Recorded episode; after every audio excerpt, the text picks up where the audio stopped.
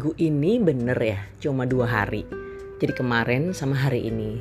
Jadi Rabu, Kamis, Jumat itu libur gitu. Waduh. Jadi pendek dong ya minggu ini ya. Hmm. Teman-teman saya cerita. Jadi karena ada yang work from office, work from home. Jadi ya kayak sama-sama kerja dari rumah semua gitu Meskipun memang masih ada sih yang memang harus uh, ke kantor karena gantian kan, jadi sistem shift gitu. But anyway, minggu ini itu ternyata pendek ya. Jadi hari Senin, hari Senin dan Selasa. Jadi hari ini terakhir. Karena memang pemerintah menetapkan libur bersama ya, libur panjang bersama. Rabu besok, Kamis dan Jumat. Well, sahabat semua, hmm, saya sempat cerita ya tentang menulis ya, menulis untuk menyembuhkan. Nah, yang hari ini, yang pagi ini saya coba untuk ajak bahwa nulis itu asyik bener. Ya, writing is fun. writing uh, creates uh, uh, joyfulness, bener deh. Ya, jadi um, sahabat semua, uh, ini mau masih pagi ya, mungkin ada yang sudah kelas karena pembelajaran jarak jauh ya. Ada yang sedang menuju ke kantor karena memang jadwalnya ke kantor. Ya sistem shift itu. Nah, ada juga yang berkaryanya di rumah. Nah, sahabat-sahabat saya, ibu-ibu kreatif nih, ibu-ibu wira usahawan yang sibuk di dapur, yang sibuk mempersiapkan ini itu, boleh juga ya kita coba untuk latihan nulis gitu. Nulis untuk fun aja gitu dalam arti menulis itu menyenangkan. Nah, kalau boleh nih apabila ada yang pegang gadget terus aja di handphonenya gitu kan pasti punya dong aplikasi uh, email di handphone masing-masing jadi hari ini misalnya kita lihat ada sesuatu yang lucu gitu misalnya ya. Di rumah misalnya lihat kebun, aduh misalnya bunga cantik gitu. Itu satu satu paragraf. Satu paragraf misalnya terdiri dari 6 sampai 8 kalimat gitu kan. Bunga cantik mengajak aku untuk tersenyum. Iya, dia seraya membalas senyumanku. Indah cantik dan menyemangati. Nah, kayak gitu. Jadi uh, sesimpel menuangkan, meluapkan isi hati. Jadi sebenarnya menulis itu ya apa yang ada di kepala, apa yang ada di hati, kita wujudkan dalam eh, kata-kata. Uh, kata lalu menjadi kalimat, kalimat menjadi paragraf. Paragraf boleh satu, dua, it's up to us. Yang nyaman aja. Nah itu satu. Misalnya yang sahabat di kos-kosan misalnya gitu ya.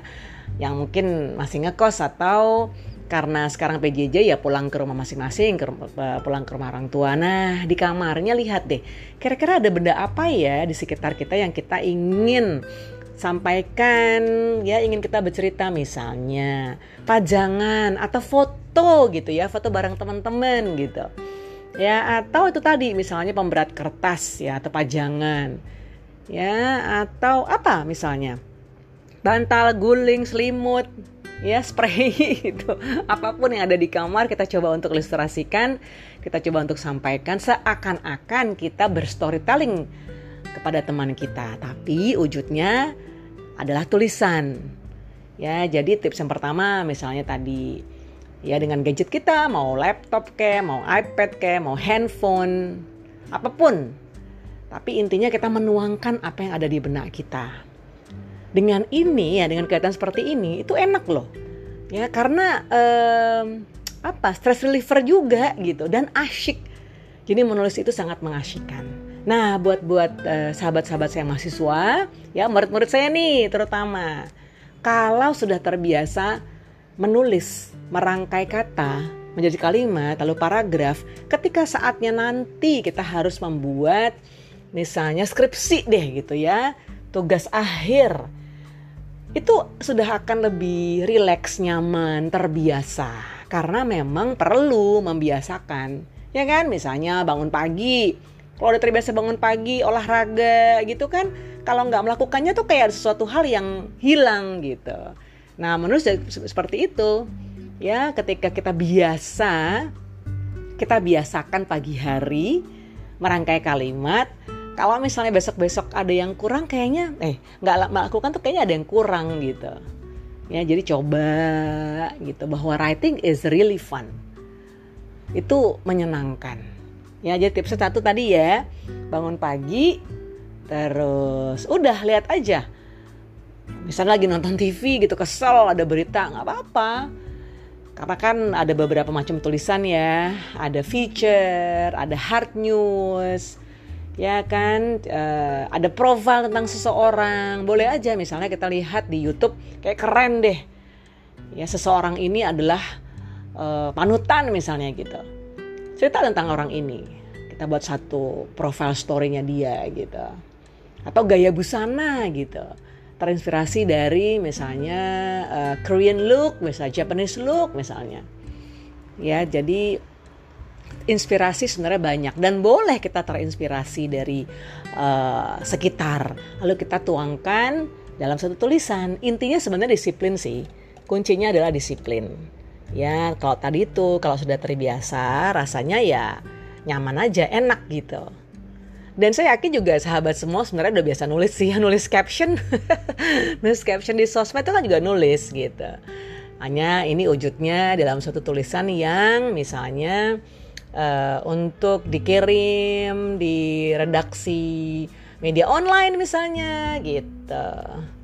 Ya, jadi saya ingin menyemangati nih sahabat semua pagi hari atau misalnya nggak sempat pagi malam-malam gitu mau tidur bercerita ya tentang apa yang kita alami tapi bentuknya adalah tulisan. Tentu e, nanti ya kalau sudah terbiasa kita mencoba untuk bertata bahasa yang baik. Jadi mampulah membedakan mana kata kalimat pasif di gitu kan yang awalnya di terus membedakan juga dengan di yang untuk menunjukkan tempat misalnya di depan di bawah di samping beda dengan misalnya dikesampingkan ya diteladani dibeli dijual seperti itu. Jadi uh, kita bisa sih undah eh unduh ya KBBI Kamus Besar Bahasa Indonesia. Sambil banyak belajar banyak kosakata baru juga melatih kita untuk berbahasa Indonesia yang baik dan benar. Oke sahabat semua semangat ya. Ini semangat 28 Oktober besok sih masih Sumpah Pemuda satu bahasa, bahasa Indonesia. Oke, okay? so writing is fun. Kita menyenang, menyenangi kegiatan itu tanpa beban, relax saja. Oke, okay, sampai jumpa lagi di episode selanjutnya. Have a good Tuesday. Bye.